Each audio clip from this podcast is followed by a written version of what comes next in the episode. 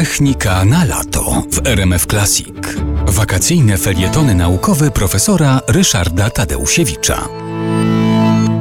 Y, Opowiedziany y, w, poprzednim y, spotkaniu z Państwem lot Lilienthala, loty Lilienthala na, na szybowcach nie miały szans na to, żeby były bardziej użyteczne, no bo, no bo no cóż, no, to, że sobie można skoczyć z górki i, i polatać na przykład na lotni na- nad jakimś terenem, no to, to jest ciekawostka, ale z tego żadnego pożytku nie ma. Samolot zaczął być pożyteczny, kiedy zyskał serce, w cudzysłowie serce. Oczywiście chodziło o silnik, odpowiedni silnik, który by ten samolot rozpędzał, pozwalał mu startować, wznosić się, latać po prostu. E, Człowiekiem, który jako pierwszy wmontował do samolotu, a właściwie no, do takiego e, urządzenia przypominającego współczesne samoloty, ale budowanego na, na wzgór skrzydeł ptaka, był e, Francuz Clement Adler, który zbudował maszynę, która nazywała się EOL i ta maszyna była po prostu napędzana silnikiem, ale silnikiem parowym. Okazało się, że to jest jednak niepraktyczne. Silnik parowy ma złą proporcję własnej masy, czyli ciężaru, do mocy, którą rozwija. No i wobec tego Clement Adler e,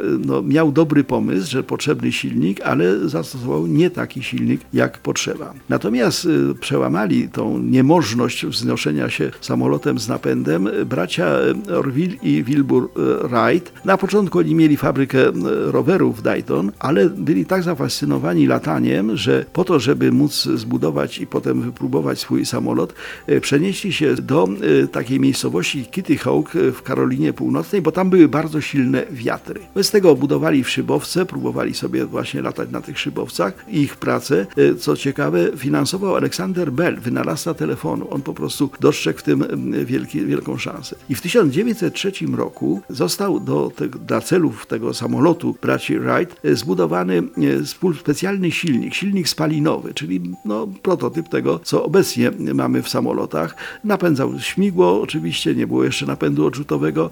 Charles Edward Taylor, warto to nazwisko też zapamiętać, zbudował pierwszy silnik lotniczy. No i wobec tego samolot, który nazywał się Flyer One, miał pierwsze udane loty. Pierwszy lot odbył Wilbur e, Wright. E, Rzut monetą zadecydował, który będzie pierwszy i 14 grudnia 1933 roku wykonał pierwszy lot. Ten lot był niestety tylko na 12 metrów i samolot przy lądowaniu uległ uszkodzeniu. No ale bracia Wright bardzo szybko naprawili ten samolot i 17 grudnia 1903 roku e, drugi lot, e, już właśnie drugi z braci, Orville e, Wright, przeleciał 260 metrów.